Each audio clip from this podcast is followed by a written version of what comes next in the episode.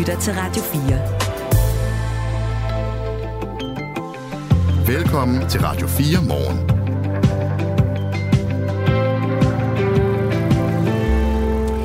Det er kun et år siden, at vi stod i energi, energikrise til halsen, og øh, i dag, der tror jeg godt, vi kan sige med det, der er mange, der har lagt den der krisestemning øh, på hylden. Men der er altså øh, stadig grund til at spare. Vi taler med Energistyrelsen, øh, når klokken bliver cirka 20 minutter over 8, om hvorfor vi stadig skal spare. Og så har vi også fundet, som øh, vi annoncerede tidligere, vi ledte efter en FCK-fan, der har haft en fed aften i går aftes, hvor FC København jo altså vandt 4-3 over mægtige Manchester United. Manchester United er lidt i krise for tiden, men flot alligevel. Og så skal vi også med i whisky. Ja, det er vi meget spændte på. Det er vi meget spændte på. mm. Alt det til jer. Øh, vi har cirka en time tilbage af Radio 4 morgen. Godmorgen. Godmorgen. Det her er Radio 4 morgen. I aften er der som hvert år arrangeret et fakkeltog i København til minde om krystalnatten, eller for at markere krystalnatten, skal man måske sige, det angreb mod de tyske og østrigske jøder, som det nazistiske parti NSDAP og Josef Goebbels øh, i senesatte natten mellem den 9. og 10. november 1938, altså inden 2. verdenskrig. Betegnelsen den henviser til de her store mængder af glas fra de smadrede butiksruder, som lå igennem hele natten og glimtede som krystaller. Danmark blev så mange andre lande, som bekendt jo besat af Tyskland efterfølgende, og i efteråret 1943, der satte nazisterne i gang i en aktion mod også de danske jøder. I Gilleleje, som ligger oppe i Nordsjælland i et lille fiskerhus, der bliver der en lille pige, som hedder Tove. Hun er tre år gammel.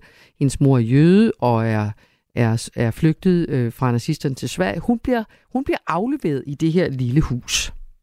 Og selvom det i dag er 80 år siden, og Tove kun var tre år gammel, da hun skulle sige farvel til sin mor og flytte ind hos en anden familie øh, i skjul, så er det en tid, som har sat sig spor hos den i dag 83-årige Tove, og også minder, som bliver vækket til live af den her aktuelle situation. Godmorgen, Tove.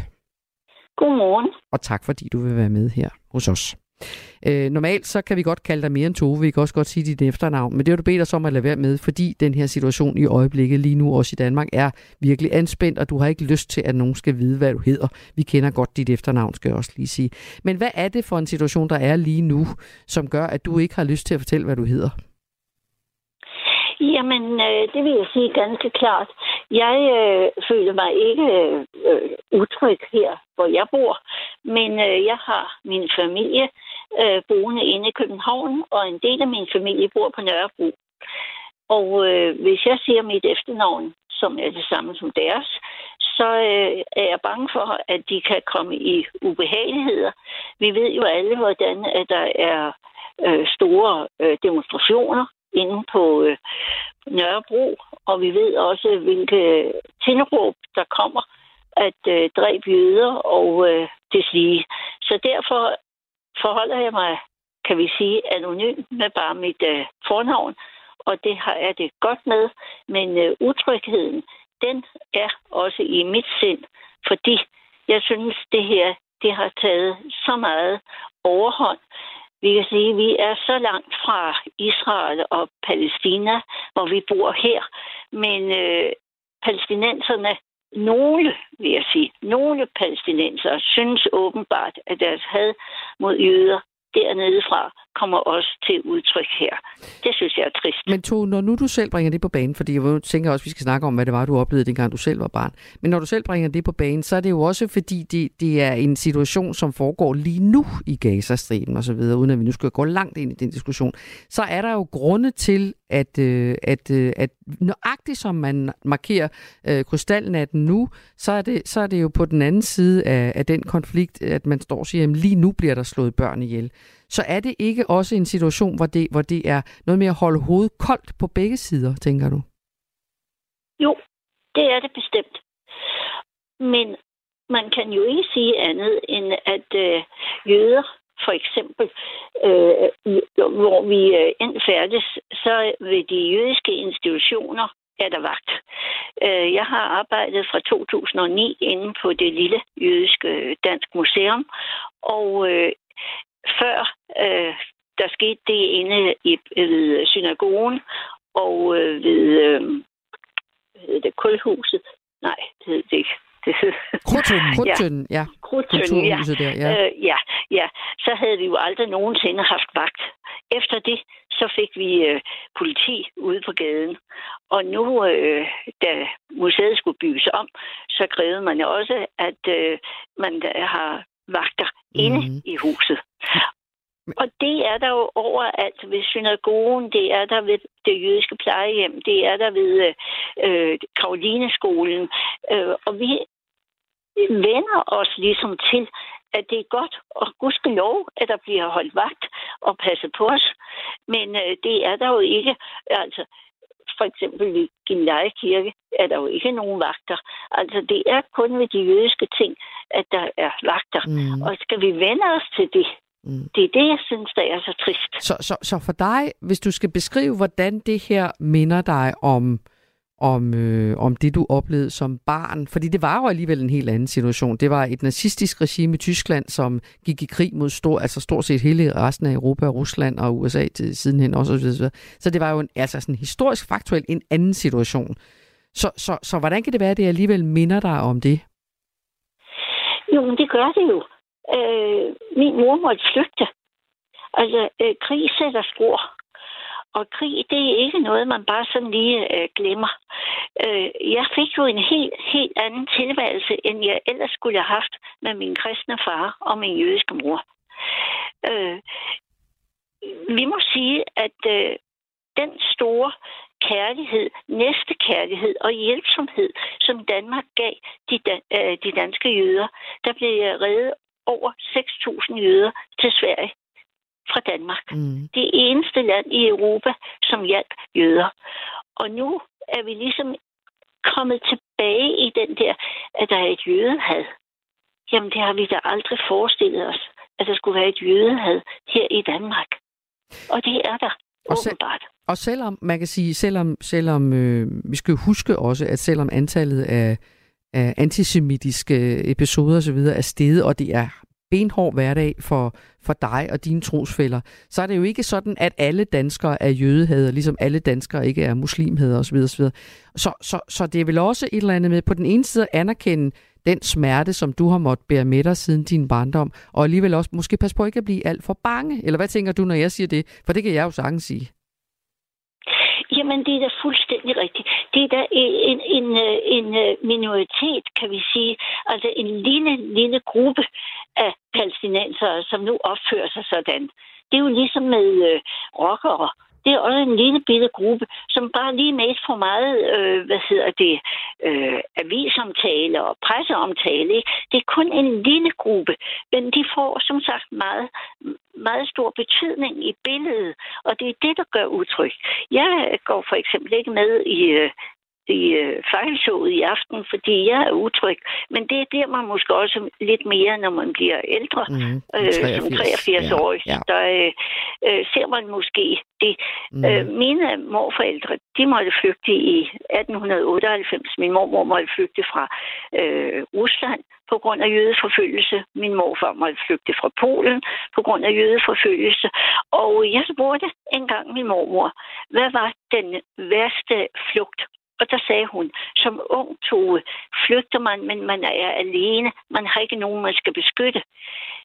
Da vi flygtede i 1943, der var vi nervøse. Så vi nogensinde vores børn, svigerbørn, børnebørn igen. Mm. Og det er frygteligt tragiske ved det her, og det kan jeg godt sætte mig ind i, for jeg er jo også mor, så jeg tænker også, jeg ved godt, hvor forfærdeligt det må være, at den her historie jo gentager sig på begge sider af den her konflikt, fordi du bærer rundt på den historie, som din familie har, din egen personlige historie. Du blev efterladt der som treårig lille pus der hos en helt øh, anden familie, mm. ikke? Og det samme... Mm det samme siger man jo. Jeg kender jo også palæstinensiske familier, som fortæller grædende om historien om dengang, de blev fordrevet fra Palæstina, og der lå ja. olivenlunden, og du ved, de døde undervejs på vej mod Libanon osv.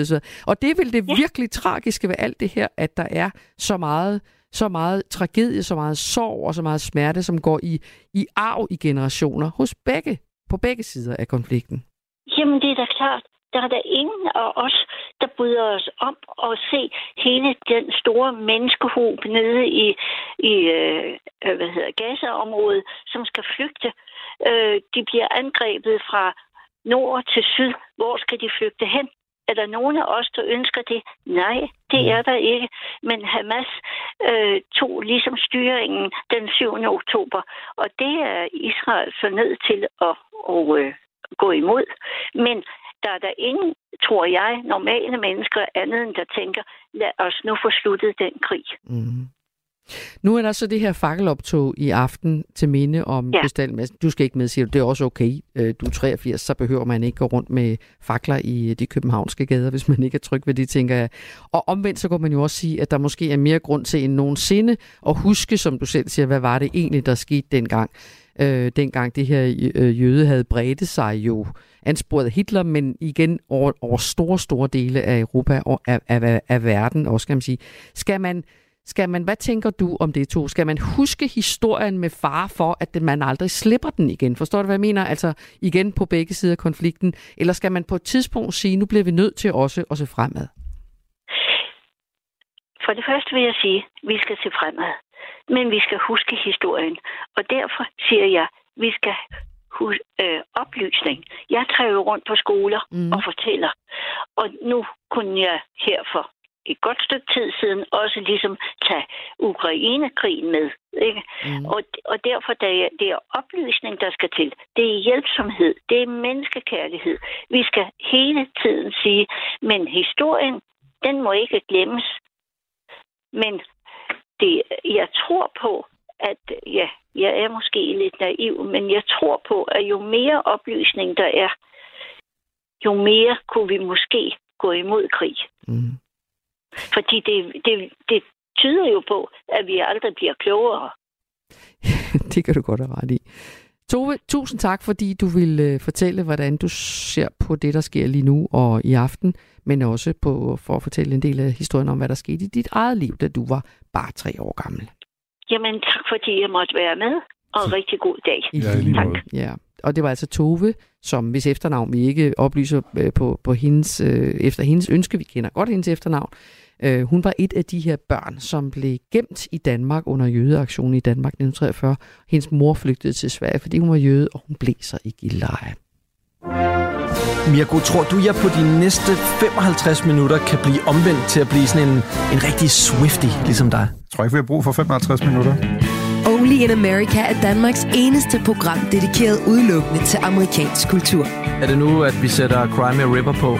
Ja, det tror jeg ikke, vi skal gøre, fordi... Øh... Er den sang blevet cancelled, eller hvad? Hver uge opdaterer Frederik Dirk Gottlieb og Mirko Reimer Elster, der på det vigtigste, vildeste og mest vanvittige fra Guds eget land. Det tror jeg, det, det tror det kommer til at ske.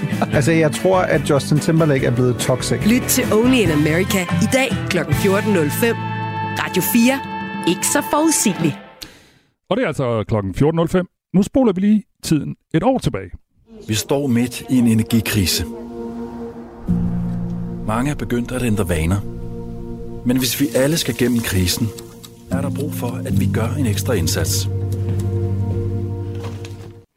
Dyb og alvorlig stemme. Mm. Mm. Det, det var, var også meget alvor. det var meget alvor. Det var lyden af en af de kampagner, Energistyrelsen kørte sidste år for at få os til at spare på energien. Men her et år efter, så bliver vi ikke sådan tiltalt i samme dystre tone med opfordringer til at spare. Vi har her på Radio 4 de sidste par dage sat fokus på strøm og varme og hvordan vi bruger det. Og indtrykket, i hvert fald af dem, vi har talt med, er, at øh, der er langt færre danskere end sidste år, der for overhovedet forholder sig til den her energisituation. Vi har blandt andet talt med Jens Agerbo. Han bor i et parcelhuskvarter i Hinderup nord for Aarhus, hvor der er en fast tradition med meget julepyntede huse. Han slukkede lysene sidste år, men i år skal der altså ikke mange noget. Lige nu står det der med at spare øh, i samme øh, grad som sidste år, nemlig ikke øverst på listen. Hvis vi kommer dertil, at, øh, vi, at øh, man kommer til at, at, at mangle el og så videre, ikke også, jamen, så bliver der slukket her. Det, det er der ingen, ingen tvivl om, at der gør det. Ikke også? Men jeg, jeg tror nu ikke på den. Sådan lød det altså fra Jens Agerbo, som har masser af julelys på sit, øh, øh, på sit parcelhus. Og vi bør altså tænke os om, når det kommer til energiforbrug. Det mener blandt andet Energistyrelsen, som i et skriftligt svar til Radio 4 siger, Vinterens forsyningsscenarie er mere stabilt, øh, ser mere stabilt ud end sidste år på den her tid. Selvom gaslagerne næsten er fyldt, og vi fortsat ser besparelser på energiforbruget, så kan en kold vinter, stop for import af russisk gas eller et stigende forbrug af naturgas i Asien påvirke vores forsyningssituation. Og derfor er det væsentligt, at vi både i Danmark og resten af Europa spare på energien. Og der er masser at gøre, det siger Mathilde Grøn Bjørnebo, som er ekspert i Energispareråd i Energistyrelsen. Godmorgen. Godmorgen. Hvad kan vi øh, som forbrugere helt konkret gøre for at spare på energien i år? Jamen, altså man kan sige, det er jo det samme, vi kan gøre i år, som vi gjorde sidste år. Øhm, vores energiforbrug kan sådan groft sagt deles op i tre, som handler om øh, varme, om varmt vand og om strøm. Øhm, og det er også på de her tre områder, at man kan gå ind og finde nogle energibesparelser. Øhm, hvis man tager dem en af gangen, mm, jamen på varmen, der sidste år havde vi jo meget mere at sænke temperaturen. Øhm, og det er jo stadig sådan set en god idé, hvis man gerne vil spare på energien. Altså, man kan for eksempel gå ud og anskaffe sig et termometer. Det er et godt sted at starte, så man ved, hvor varmt der faktisk er i ens hjem. Og så sørge for, at man ikke skruer ned under 18 grader, fordi så kan man få nogle problemer med fugt. Og det er også virkelig vigtigt, at man husker at lufte ud. Mm. Men øh, der er gode besparelser at hente ved bare lige at sænke temperaturen et par grader. Øhm, så er der det varme vand, og det bliver jo primært brugt til varme bade. Øh, og her kan der altså være flere tusind kroner at hente for sådan en familie, hvis man bare korter nogle få minutter af, af daglige bade. Øhm, så det, det varme vand udgør cirka en tredjedel af vores varmeforbrug øh, i gennemsnit. Så det er et rigtig godt sted at sætte ind og hurtigt få nogle store besparelser. Og så er der den sidste, det er elforbruget, og det er noget mere komplekst, fordi det varierer rigtig meget fra husstand til husstand.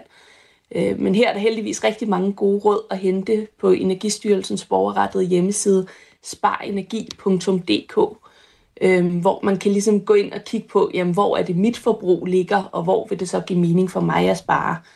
For rigtig mange vil det være steder som underholdning og vaskevaner, øh, hvor det giver mening at gå ind og, og kigge, om man kan ændre noget. Jeg tror, mange af os har sådan... Og så endelig, ja, så ja, hvis ja. man kigger... Kom bare. Ja. Undskyld. Ja, det er bare, hvis man kigger mere på at få en økonomisk besparelse. Man kan sige, at nu ligger energipriserne lidt lavere lige nu, end vi har set det sidste år for eksempel. Men øh, der kan stadig godt komme perioder med rigtig høje energipriser. Så det giver stadig god mening at følge særlig elprisen, og så flytte sit forbrug til tidspunkter, hvor prisen er lavere. Også med de nye tarifmodeller, der er kommet i de, største dele af landet, der kan der være flere kroners forskel per kilowatt-time, om forbruget ligger i aftentimerne eller i nattetimerne. Så man kan hurtigt spare nogle hundrede kroner ved at konsekvent udskyde vasken til om natten, eller tænke over, hvornår man lader elbilen op. Hørte du det med det? Ja. Nej, Sig det igen. Ja, jamen, hun sagde lige, at det er godt at vaske om natten, som du gør. Det er godt. Ja, så øh, godt. Mette har nemlig fortalt os tidligere på morgenen, at hun vasker stadigvæk om natten. Så du er dygtig med det, og vi taler lige nu Hurra! med Mathilde Grøn Bjørnebo, som er ekspert i Energispareråd i Energistyrelsen. Mathilde, Mm, mm, mm, jeg har sådan en fornemmelse af, det var også det, vi sagde før, at der er mange danskere, der ligesom har lavet skuldrene sænke sig og tænkt, det er altså ikke så vigtigt som sidste år. Er det det? Alt det her spareri? Altså, det, det er jo svært at sige, om det er lige så vigtigt som sidste år. Man kan sige, at sidste år stod vi i en meget øh, slemmere situation. Vi stod over for noget, vi var mindre forberedt på, og vi stod også øh, i en situation, hvor det var svært at forudsige, jamen, hvad kan der ske, hvor kommer det her til at udvikle sig hen. Det vi kigger på i år, der står vi generelt et meget bedre sted, fordi vi er bedre forberedt på den her vinter. Men det betyder ikke, at vi bare kan øh, lade alle de gode vaner flyve, og så sige, at det skal nok gå. Fordi alle de scenarier, vi har lavet, jamen, de viser stadig, at det er afgørende betydning, om vi rent faktisk holder fast i nogle af de gode vaner, eller om vi går tilbage til vores gamle energiforbrug. Øhm, nu hørte vi det, før... det har faktisk en stor betydning. Ja, nu hørte vi før sådan et klip med sådan lidt dyster øh, stemmeføring og sådan noget med, at nu skal vi spare på energi, øh, som kørte sidste år. Kommer I ud med sådan nogle kampagner igen i år? Øh, man, man skal jo aldrig sige aldrig, at det er meget svært at spå om fremtiden, men jeg tror ikke lige, det er noget, vi har på trapperne. Det, øh, sidste år var der et behov for virkelig at, øh, at gøre opmærksom på, at vi stod over for en svær situation, og også til dels at oplære danskerne i, hvor kan man egentlig gå ind, hvor starter man henne, hvis man gerne vil spare på energien. Vi så jo rigtig mange, der havde et, et virkelig stort øh, engagement i, jamen vi, det er vigtigt for os at spare enten af økonomiske årsager, eller fordi man vil være uafhængig af gas. men det kræver også, at du ved, hvor du sætter ind for, at det virkelig gør en forskel. Øh, nu for eksempel denne her med julelys, som jeg også selv har været lidt inde på. Altså, man, julelys er jo, det skaber rigtig meget hygge, men det er faktisk heller ikke der. Hvis du har LED-belysning, så er det virkelig ikke det, der sådan vælter elbudgettet, om man så må sige. Det gør meget større forskel, hvornår du kører din ovn, for eksempel, mm. end om du har julelys oppe. Øhm, så det har jo også været noget af det, vi havde brug for at gå ud og gøre opmærksom på sidste år. Mm. Så er vi og blevet fordi klogere. vi allerede har snakket om det, og folk er blevet klogere simpelthen, ja. Så øh, der er også mange, der sådan, har fået masseret de der gode energivaner mere ind under huden, end de var tidligere. Så øh, vi står i en bedre situation. Det gør vi. Og lad os slutte der. Vi står i en bedre situation. Tak skal du have, Mathilde Grøn Bjørnebo, som altså er ekspert i Energispareråd i Energistyrelsen. Tak. Radio 4. Ikke så forudsigeligt. Det er ikke så forudsigeligt, at vi slutter af interviews af med, at vi står i en bedre situation. Uh, Michael, det er ikke så ofte, vi kan det. Det kan vi Og det er dejligt. Nå, ved du, hvem der også står i en bedre situation? Det gør FCK. FCK. Er du så færdig? En vild fodboldkamp fandt sted, og jeg, det sagde pling, pling, pling i min telefon, fordi jeg havde glemt at sætte den på lydløs. Og jeg har sådan en familietråd, hvor så skriver den ene, se fodbold, nej, de vinder, står 3-3. Nu står den 4-3, de- var bagud 0-2 og 2-3, og vi vandt alligevel, og wow, hvor er det vildt, og sådan nogle ting. Jeg måtte opgive, jeg, jeg, ja, sidst kan man jo lige så godt stoppe og se fodboldkamp. øh, og de vinder så, altså fuldstændig vanvittigt over Manchester United 4-3. Øh, og der var jo Manchester United-fans til side. Det var der også i byen, lagde jeg mærke til, inden jeg kom herover til Aarhus. Øh, De gik og sang og var glade. Øh, og nogle af dem var jo danske. Øh, en af dem, der så United-nederlag i parken i aftes. Det var dig, Henrik Sally Jacobsen. Godmorgen. Godmorgen. Er du vågen? Ja, ja, jeg er ved at, øh, ved at vågne. du er bestyrelsesmedlem i Manchester United Supporterklub i Skandinavien. Har du, været, har du råbt og skrevet? Har du været glad hele natten? Hvordan, øh, hvordan er det i dit humør lige nu? Nej, du er ked af det. Eller hvad? Nej, jeg var, jeg var glad indtil det 40. minut. Ja. Så var jeg rigtig glad. Ja. Og så blev du ked af det. Ja, så, så, så faldt stemningen. Ja, når jeg siger det der med, er du glad eller er du ked af det? Altså, fordi det må da også være et dilemma, hvis du er Manchester United supporter big time, og så alligevel er det en dansk storklub. Altså, hvordan, hvordan, hvordan, hvordan klarer man det? Nej, altså lige når det kommer til United, der er jeg meget ensporet. Så, Nå. øhm, Det der selvergældelse, der er ved noget. Den bølgede jo frem og tilbage, den her kamp. United kom foran 2-0. Så kommer der rødt kort. Alligevel så øh, kom, kom United for, Manchester United foran 3-2 og tabte så 4-3. Hvordan oplevede du den her kamp? øh, jamen, jeg oplevede det som, som et FCK-hold, der kom ud og var, øh, var ikke helt klar, virkede det som om. Og United tog, øh, tog fuld fordel af det. Og, øh, og spillede fint ind til det røde kort. Og så, øh, så var det jo bare et flot comeback af FCK. Det må man jo give dem. Mm. Jeg lå og sov, da kampen spillede for mit vækkeur. Det ringer meget, meget tidligt. Er det noget med det sådan, så det ikke var en ret god fodboldkamp, men det var en meget dramatisk fodboldkamp? Ej, det, altså jeg vil betegne det som en rigtig god fodboldkamp. Den Nå, var okay. mega intens. Den var mega intens, og der var fuld fight, og øh, en flot, flot ramme inde i parken. Altså, man må give FCK'erne, de kan skabe en stemning. Altså. Men det var ikke, fordi der var sådan en fejende flot fodboldspil, vel? Det var mere på intensitet og drama, ikke? Det er korrekt. Det var mere intensitet, og, øh, men altså FCK'erne trykkede på i anden halvleg, og det, øh, det skal de have kado for. Så det var, det var en fed oplevelse under alle omstændigheder, hører jeg dig også uh, sige, ikke? Ja, jo, det, det er blandet. Altså, jeg kan godt nyde en god fodboldkamp, Ja. men det gør ondt, når, når det er ens hjerteklub, Ja. der, øh, der taber. Ikke? Og nu ligger, øh, nu ligger I så sidst Manchester United, I siger så, for det gør man jo på fodboldsprog. I ligger sidst, øh, kun to går videre, Bayern München har sikret sig førstepladsen. Tror du på videre avancement? Øh, nej, det gør jeg faktisk ikke. Ik- ikke. Ikke som spillet er. Vi har Galatasaray ude, og så har vi Bayern hjemme, og jeg tror ikke, vi vinder begge kampe. Det tror jeg desværre ikke. Hvordan bliver der at gå på arbejde i dag? Nu ved jeg ikke, om du arbejder sammen med nogle FCK-fans. Øh, det gør jeg heldigvis ikke. Nå, okay. Men øh, jeg har masser af FCK-venner, og de har også skrevet til mig i går. Og øh, ja, og det må jeg jo høre for, at det er en del af gamet. Havde det gået den anden vej, så havde jeg også skrevet til den. Så Tak skal du have, Henrik Sally Jacobsen, øh, bestyrelsesmedlem i Manchester United Supporterklub i Skandinavien. velbekomme.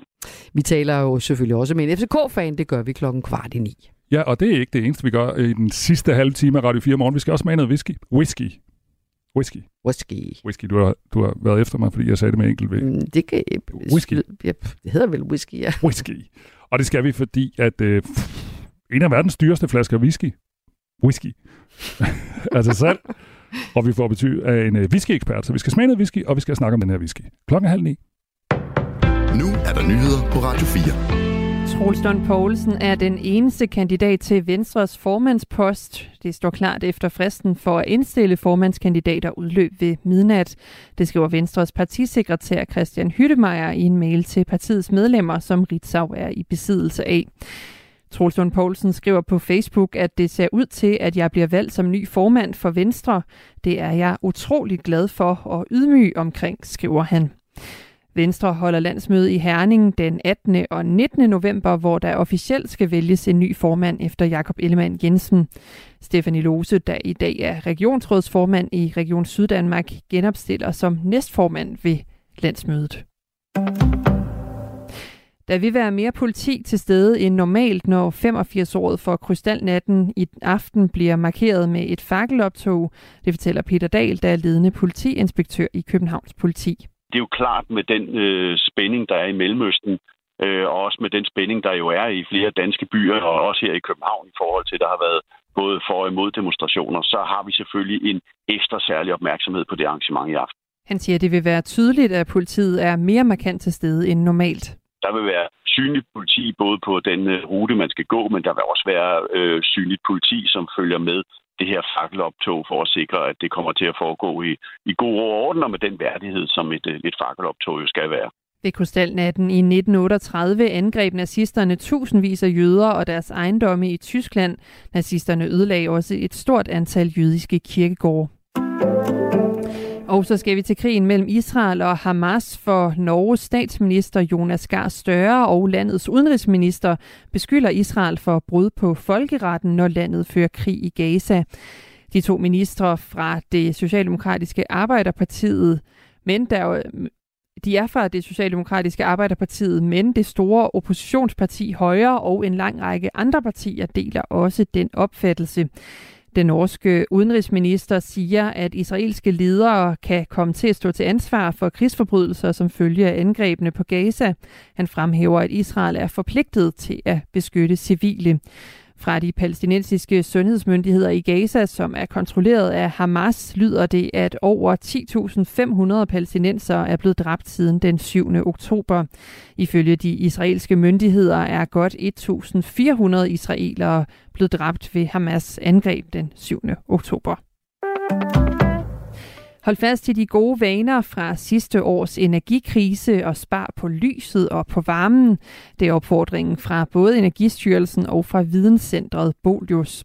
Henrik Bisp er fagekspert i byggeteknik og energi ved Videnscentret Bolius, og han siger, at det er en god idé at holde fast i de gode vaner, selvom energiforsyningen er mere sikker, end den var sidste år. Det er bedre, at vi er på, på forkant med, med situationen, end at vi lige pludselig øh, står i en situation, hvor vi hvor vi ser, at priserne de vil, de vil stige kan man sige. Og det er også den udmelding, vi hører, med, ligesom altså, at, at forsyningen vil på, på flere energiområder være meget mere vekslende, som siger, så, så, vi, så vi vil sandsynligvis opleve, at, at, at priserne godt kan være høje i perioder. Europas gaslager er næsten fyldte, og der er mere styr på forsyningssikkerheden, end der var sidste år, da Rusland skruede ned for eksporten af gas til Vesteuropa. Over de østlige egne af landet bliver det skyet vejr med regn. De vestlige egne får i morgentimerne lokalt diset vejr eller togbanker, mens resten af landet får enkelte byer og mulighed for lidt eller nogen sol. Temperaturer mellem 6 og 10 grader og en svag til jævn vind fra syd og sydvest ved kysterne lokalt op til frisk vind. Det er nyhederne her på Radio 4 i studiet Anders Fifeldt. Du lytter til Radio 4. Velkommen til Radio 4 morgen. Husk, at du kan sende os en sms på 1424. Ifølge Israel er det nu lykkedes øh, det israelske militær at opdele Gaza by i to efter de her kampe og bombardementer osv., alt det, der er foregået her øh, de sidste par uger. Øh, og det betyder så, at øh, store strømme af flygtninge er på vej ud af Gaza og forsøger at komme væk øh, endnu en gang komme væk fra de her kamphandlinger. Og det betyder også, at nødhjælpsarbejdet i Gaza endnu en gang er udfordret. For to dage siden blev en rød korskonvoj ramt af skud, hvor en chauffør blev lettere såret. Nødhjælpsarbejdere i krigszonen beder, skriger, råber på både medicin og grej og beskyttelse osv. Anders Lader Karl, godmorgen. Godmorgen. Generalsekretær i Røde Kors. Kan du ikke give os et, øh, et indblik i, sådan, hvad status for, for jeres arbejde, nødhjælpsarbejdet er i Gaza lige nu? Jeg tror, det mest sigende er det, som jeg talte med en øh, kollega i Gaza om i går, som øh, vi snakkede med. Hans melding var, I behøver sådan set ikke tænke på nødhjælp. Øh, vi har alene en bekymring, og det er at overleve til i morgen. Så lige nu så er alt, hvad arbejde i Gaza går ud på at prøve at beskytte de civile så godt som overhovedet muligt, og hver eneste af de to millioner mennesker, som befinder sig i Gaza, øh, har en eneste bekymring, og det er, hvordan de skal overleve øh, i morgen.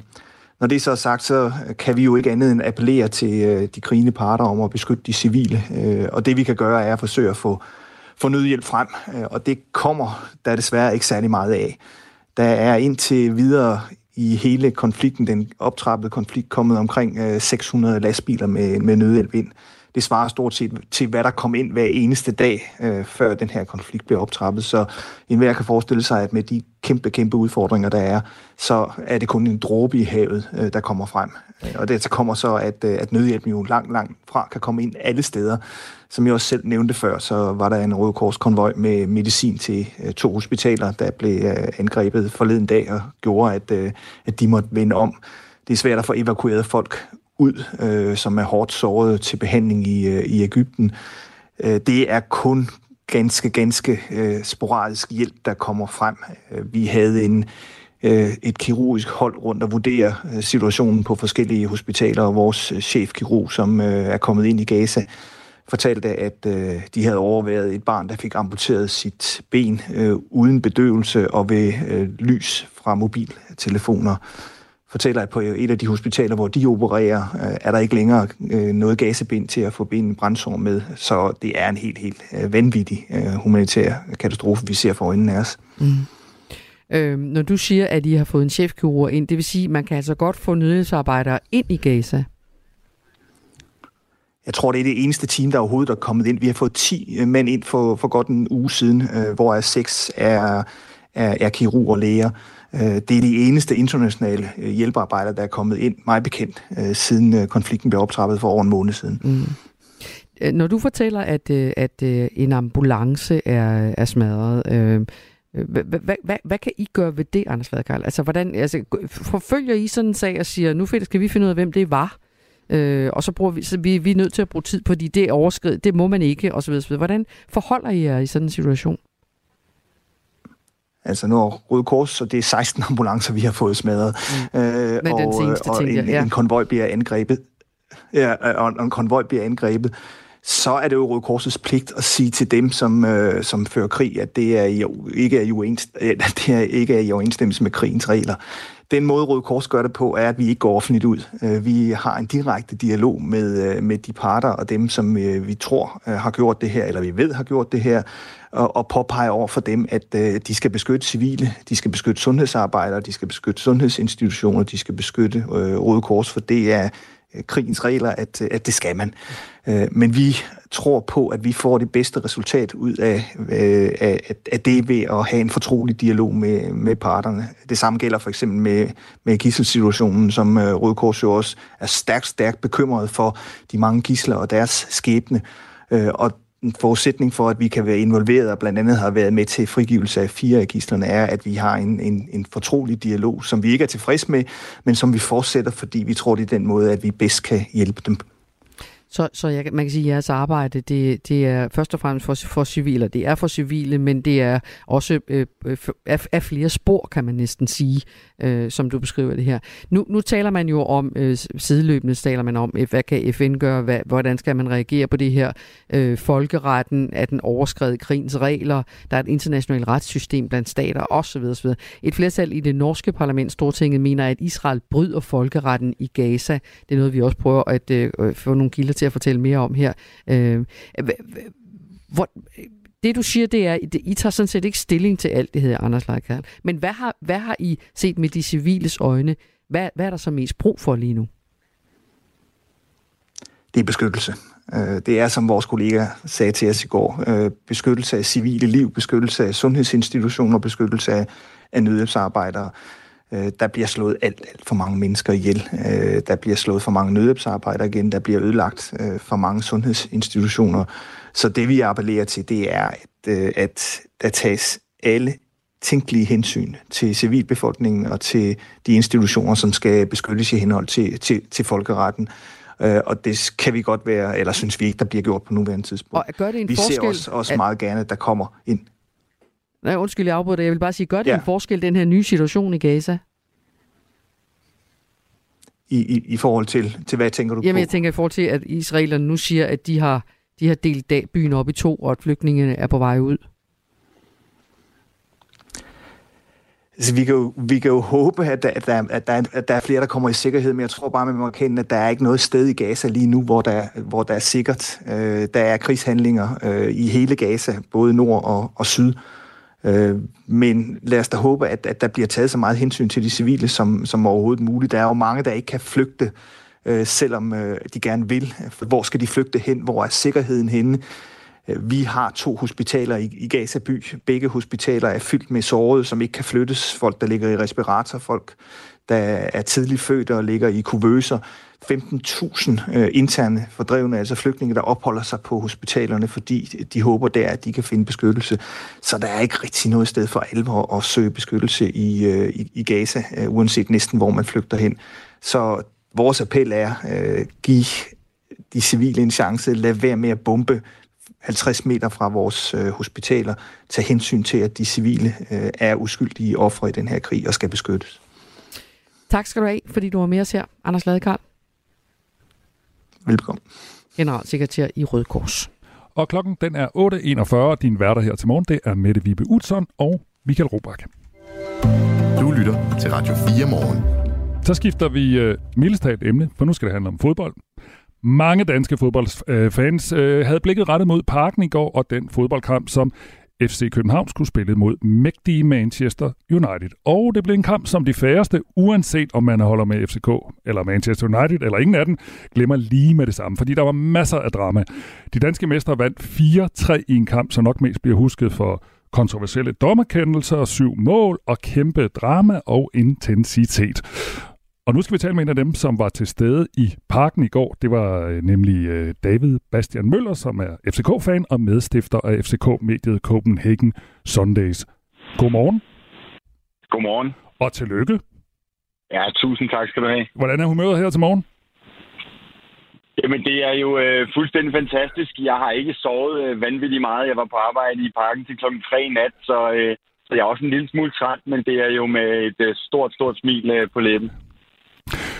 Øh, Mette Vibe Utzon og jeg, der sidder her i studiet, vi var gået i seng, altså ikke i den samme seng, men vi var gået i seng, da kampen spillede i, øh, i går, og øh, vi er begge to vågnet op til masser af sms'er, for vi bor nemlig begge to i København, og vi kender masser af FCK-fans. Så vi har ikke set kampen, og det er der sikkert også en del af vores lyttere, der ikke har. Hvis du lige sådan skulle tale os igennem, ikke alle mål, men sådan en hurtig overflyvning, hvad var det så for en kamp? Jamen, så var det jo, som du også opridsede her, øh, som intro, en kamp med med, med syv mål og med en øh, særlig første halvleg, hvor jeg var fuldstændig øh, rundtosset, da, øh, da jeg gik til pause, fordi det jo var en kamp, hvor FC København, et FC København-hold, som alle, inklusive os selv, øh, FCK-fans, øh, trænere og spillere, øh, har, har, har talt op til faktisk øh, at være øh, i hvert fald en form for favorit mod Manchester United i går i parken, fordi FC København kan gøre fantastiske ting i parken, og fordi FC København har flyttet sig voldsomt øh, det seneste år. Og så var det jo en første halvleg, hvor FC København lynhurtigt ved Rasmus Højlund efter tre minutter kommer bagud, og lige lidt efter ved Rasmus Højlund kommer bagud 2-0. Og det var bestemt ikke det, man havde forestillet sig. Så er der en baneløber, der er desværre en tilskuer, der får det dårligt. Der er rødt kort. Altså, den her kamp, den er fuldstændig vild. Den har simpelthen øh, det hele, og frem for alt jo vigtigst øh, en sejr til FC København til sidst. Nu taler man jo sådan tit lidt højstemt om disse europæiske aftener i parken. Hvordan var stemningen? Altså, var den også særlig, eller blev den mere og mere særlig, som tiden gik? Jamen, stemningen var øh, fantastisk. Øh, vi har lige været i Manchester og se øh, øh, det, det, det første opgør mellem de to hold, og der er ikke en særlig fantastisk stemning på Old Trafford. Øh, så, så det var ventet, at de københavnske fans ville vise englænderne, hvordan man gør det her. så havde øh, Manchester United nogle medrejsende fans, som altså har tradition for også at larme lidt, og det gjorde de også. Men særligt de københavnske fans gav den jo max gas, som de plejer at gøre netop på de her europæiske aftener. Så var der jo det her lille arbejderbej, at der ikke må hoppes i parken på sektionen for tiden, og det var der mange, der var spændt på. Hvordan håndteres det så? Eller der må ikke hoppes koordineret i hvert fald. Det vil sige, at alle 8.000 på sektion 12 må ikke hoppe på én gang. Men der var fuldstændig elektrisk stemning, og den blev selvfølgelig ikke dårligere, da der blev udlignet med 10 minutter igen til 3-3, og da Rooney så scorede, altså 17-årige Rooney, øh, som scorede til, øh, til 4-3 øh, med, med, med få minutter igen. Det var fuldstændig øh, vanvittigt. Jeg taler med David Bastian Møller, som, øh, som man nok kan høre er FCK-fan, og også er medstifter af FCK-mediet, der hedder Copenhagen Sundays. Nu nævnte du lige, at Rasmus Højlund, som sådan set har fået sin fodboldopdragelse i FCK, scorede de to første mål. Hvad, hvad, hvordan var det? Altså for Manchester United, skal jeg lige sige for dem, der ikke ved det. Han scorede de to første ja, mål for Manchester United. Ja, lige præcis. Han er en hel historie for sig. Øh, men, men det var jo en kæmpe bed, og særligt fordi vi jo ved, at FC København for det første kender ham rigtig godt, men selvfølgelig også har brugt rigtig meget tid på ham, fordi han er Uniteds boy wonder. United har det svært for tiden, men Rasmus Højlund, han, øh, han opper dem øh, gevaldigt. Og han så står fuldstændig fri foran mål efter tre minutter, det var jo virkelig en streg i regningen, og slet det ikke det, man havde, øh, havde forestillet sig. Så det var, det var slemt. Så var der sådan en historie i morges om, at FCK-fansene måske, måske ikke havde buet af Højlund, da han blev skiftet ud. I af jeres ja. gamle ven? Øh, jeg, jeg tror, at der var nogen, der piftede af ham, ja. Øh, det lød sådan. Øh, og, øh, og der skal man altså huske, at det er en, øh, det er en spiller, som har, lige har scoret øh, to mål mod sin gamle klub. Og på det tidspunkt var FC København altså bagud. Jeg er helt sikker på, at hvis, øh, hvis øh, kampen bare var endt, og han ikke var blevet skiftet ud, så var han blevet øh, hyldet, ligesom han blev øh, i, øh, i Manchester, da de var dernede, og ligesom jeg tror, de fleste af fængslet for så vidt øh, gjorde i, i, i går. Men, men i momentet, der var han ikke en populær mand, da han gik på banen. 4-3 blev det altså. Det er jo, det er jo skide flot øh, resultat, sådan enkeltstående. Hvad kan FCK egentlig bruge den her sejr til? Jamen, de kan bruge den til en del, synes jeg. For det første så bygger det videre på en fortælling om, du siger det selv, de fantastiske europæiske aftener, hvor FC København faktisk i morgen kun har tabt to gruppespilskampe i Champions League. Så det fortæller, øh, det, det bygger videre på en fortælling om, at FC København er næsten øh, ikke til at slå i, i parken. Og så betyder det jo rent faktisk også, at FC København nu ligger på, øh, på anden pladsen i sin, i sin pulje, og det er altså også mod, øh, mod hold som for eksempel Bayern München. Øh, så, så, øh, så, det, så, så rent praktisk i forhold til at gå videre, kan de, kan de bruge den til noget. De kan ikke bruge den til noget isoleret. Det var træner Næstrup også meget, øh, meget øh, tydelig omkring. Altså, de skal videre i Europa, enten på en anden plads, videre i Champions League, eller på en tredje plads, videre i, i Europa League. Så, så vi ved først om lidt, om de kan bruge den til noget. Men, og så er, der, så er der jo lige bundet 14 millioner i sin sejr i Champions League, så, så de, de luner nok også meget godt. Det vil jeg tro. Sådan lød det fra David Bastian Møller. Hvilken dag får du i dag?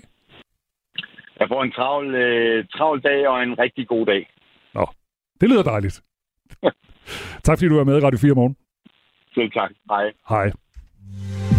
Det her er Radio 4 morgen lige før vi skulle invitere nogle FCK-fans ind, fordi øh, så kan de få lov at fejre whisky. Nu skal vi til at drikke whisky. nu skal vi drikke whisky. Ja, det skal vi, og det skal vi, fordi vi behøver ikke så meget anledning jo i virkeligheden. Vel? Men anledning er altså, at verdens dyreste whisky nu bliver sat til salg, det skriver erhvervsmediet Forbes. Og det drejer sig om whiskyen Magallan Valero Adami. Det er sikkert udtalt på en helt anden måde, det sted, den her whisky kommer fra. Den er fra 1926, og den bliver her i midten af november øh, sat til salg på auktion hos auktionshuset Sotheby's, og for, den forventes at indbringe i hvert fald et pænt millionbeløb, mellem måske 6,4 millioner og 10,2 millioner. Det er sådan estimatet. Og derfor har vi nu fået øh, godt besøg. Godmorgen, Silas Nørgaard. Godmorgen. Du sidder her over ved siden af os, whisky, øh, whisky-entusiast. Øh, du lever professionelt af at sælge spiritus og afholde whisky-smagninger. Bare lige for at snakke om den her whisky først. Ikke? Hvor sjældent er det, at en whisky i den her prisklasse som er så gammel, bliver sat til salg? Ja, men det er jo ikke noget, der sker særlig ofte. Øh, det er borger siden den sidste var til salg. Øh, og et eksempel er præcis den her, det var i 2018, hvor den blev solgt for, jeg mener, det var 840.000 pund. Og man forventer så, at det Så der går år imellem, at de bliver handlet ligesom? Det, det gør der. Den, øh, det her, den her whisky findes der kun øh, 12 eksempler af produceret. En af dem øh, blev ødelagt i jord, jordskældet Japan 10 år tilbage, og en anden er vist blevet drukket. Der var nogen, der var tørstige i dag.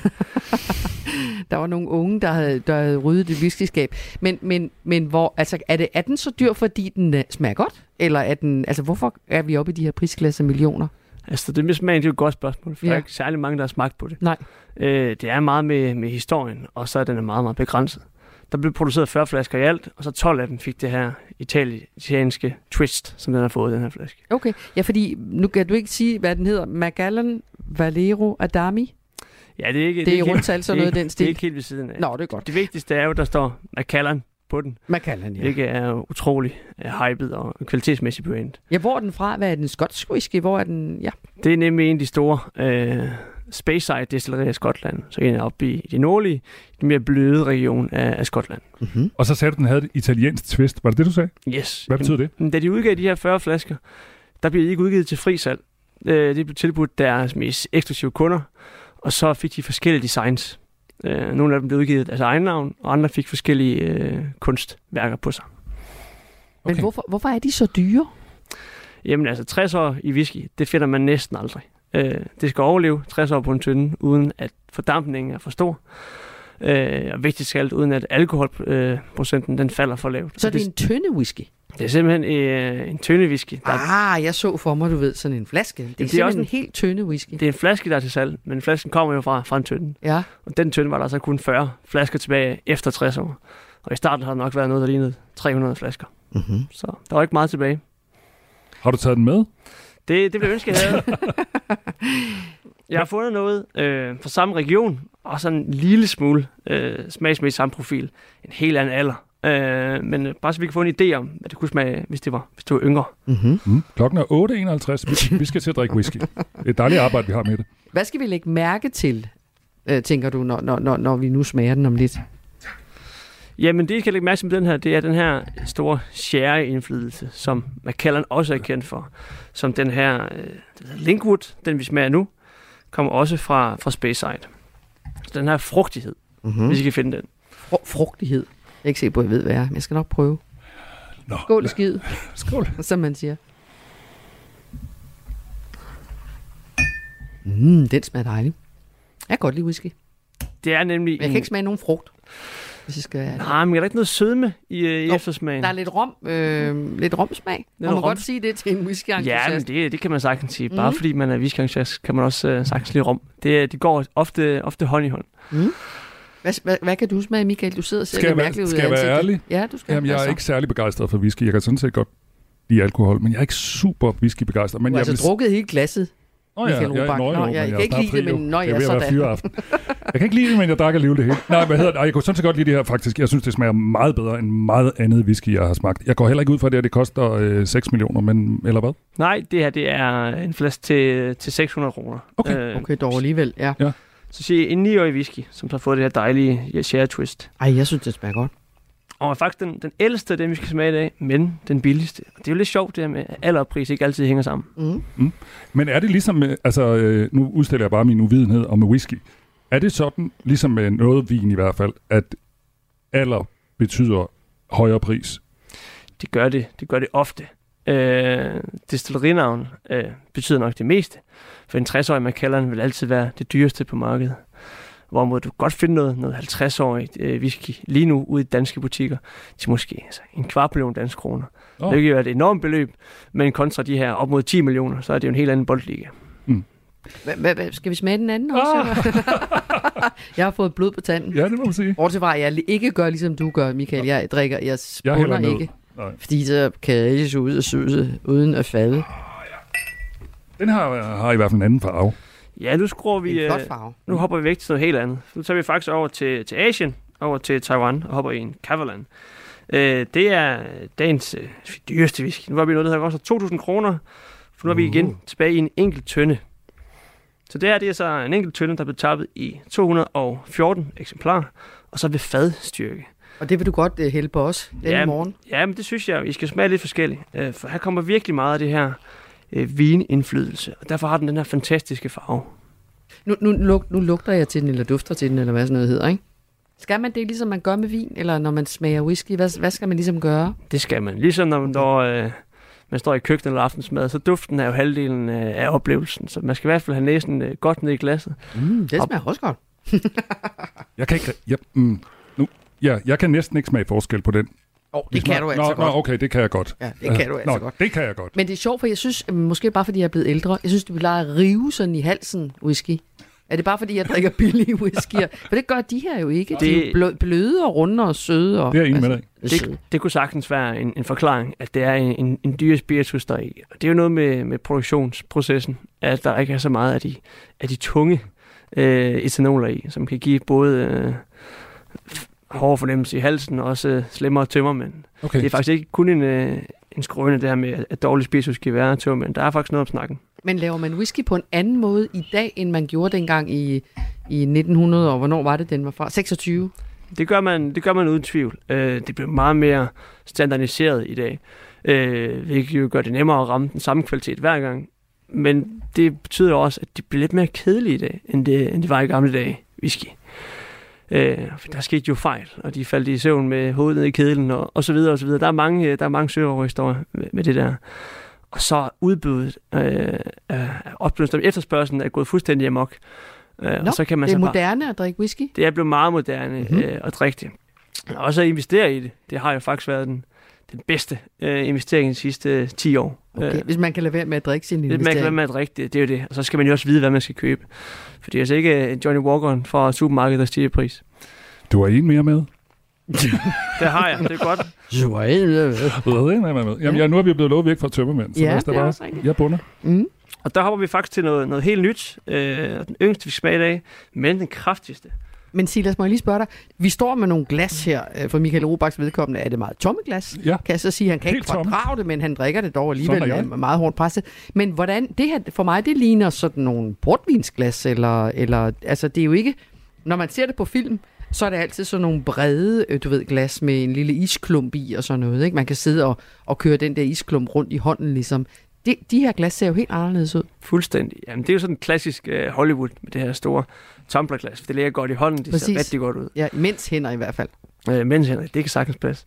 Øh, men det her tulipanglas, som jeg har givet til jer, det gør jo, at øh, der er større overfladeareal på væsken, end der er åbning. Så I får simpelthen øh, inten- intensiteret jeres aroma op i, øh, op i, i næsen. Og den her, den lugter som om, man har siddet ved et bål en hel dag og lavet snobrød. Det er fuldstændig rigtigt, for nu er nemlig kommet røg i whiskyen, og det er nemlig en anden del af det. Hvad, hvad hedder den, siger du? Lafroy? Nej, hvad hedder den? Nej, den hedder Todervæk, øh, men er lidt i samme stil som, som Lafroigen der. Kommer fra Isle of Skye, øh, som et meget klassisk sted. Men jeg ved 51 procent, så det er altså noget, der også, Wow. øh, der også sparker røv det her. Hold da op. Åh, det var ikke lige noget for mig. Det er, Det, noget, det, den river i halsen, den her. Ja, men det, det er også ligesom at, at drikke et bål, ikke? Det er noget, man skal lære at drikke, det her. Øh, men Det har jeg ikke lært. Men der er jo en risiko for den her gamle, gamle Macallan. Den også har en lille smule røg i. Fordi Macallan har nemlig også lavet whisky med røg i, i gamle dage. Jeg kan godt lide det der røg der. Slet ikke så voldsomt som, som den her. Men... Nu er der en, faktisk en lytter, der spørger. Øh, de sidder derude klokken lidt i ni og er virkelig misundelige. Øh, en spørger, Jesper spørger, hvordan går det for de danske whisky på markedet? Jamen altså, dansk whisky har jo virkelig fået øh, en opstandelse de seneste mange år. Vi havde jo Stavning, som var, var pionærerne, og de blev jo hurtigt øh, investeret i af, af Diageo, verdens største spiritusgigant. Og så står det jo faktisk op med nye destillerier. Thy whisky blev også kåret til Europas bedste. Øh, og vi har jo også mange lokale herude, som Salwhisky tæt på Aarhus, som også laver fantastisk whisky. Det er sjovt, fordi der er jo meget, det er meget moderne at lave gin, har indtryk af. Ikke? Man kan få gin fra alle mulige små destillerier og i alle mulige øh, former og afskygninger. og alt muligt. Er det på samme måde med whisky? Jamen det er det, øh, og mange starter faktisk med at lave gin. Fordi gin kan du lave på et par dage, hvor whiskyen minimum tager tre år at producere per, per europæisk lov. Så gin, det er sådan lidt uh, robrød, de gør for at holde sig kørende, og så kommer whiskyen til sidst som sådan den der store hovedpræmie, man venter på. Tak for skænken. tak for whiskyen. Og skal Ja, vi lige, hvis der lige er nogle Tusind lytter, tak. der er nogle lytter, der er kommet til, så øh, grund til, at vi sidder og bæller whisky, og du, Mette drikker videre, kan jeg se. Ja, øh, øh, grund til, at vi snakker om det her til morgen, det er altså, fordi den her whisky, en, prøv lige at sige, hvad den hedder. En Macallan. Og efternavnet også. Uh, er det italiensk, det er ikke så god til. Nå, okay. Men, men, Valerio har, ja, og Michael, skal vi ikke lige også høre, hvad, hvad, hvad, hvad tror du, den kommer til at koste? Har du bud på, hvad den kommer til at koste? Ja, men altså, den kommer nok til at ramme øh, 8,5 millioner danske kroner. Okay. Okay. Men det er altså derfor, vi sidder og bæller whisky her til morgen, fordi den her øh, whisky fra 1926, den kommer på auktion senere på måneden. Nu skal jeg virkelig koncentrere mig om, hvad jeg siger. Når vi to måneden. er færdige, mm. når vi to er færdige med at sende øh, Radio 4 Så skal vi hjem morgen, sove. så skal vi hjem og sove. Men vi skal lige høre først, øh, skal vi lige høre Ring til Radio 4. De stiller flere gode spørgsmål i dag. Skal vi genindføre kongebrevet? Og de skal også snakke om noget, vi talte om i går. Plastiklåg på mælk, cola og energidrik. Hæng på, det er 9.05, nu klokken 9. Du har lyttet til en podcast fra Radio 4. Find flere episoder i vores app, eller der, hvor du lytter til podcast. Radio 4. Ikke så forudsigeligt.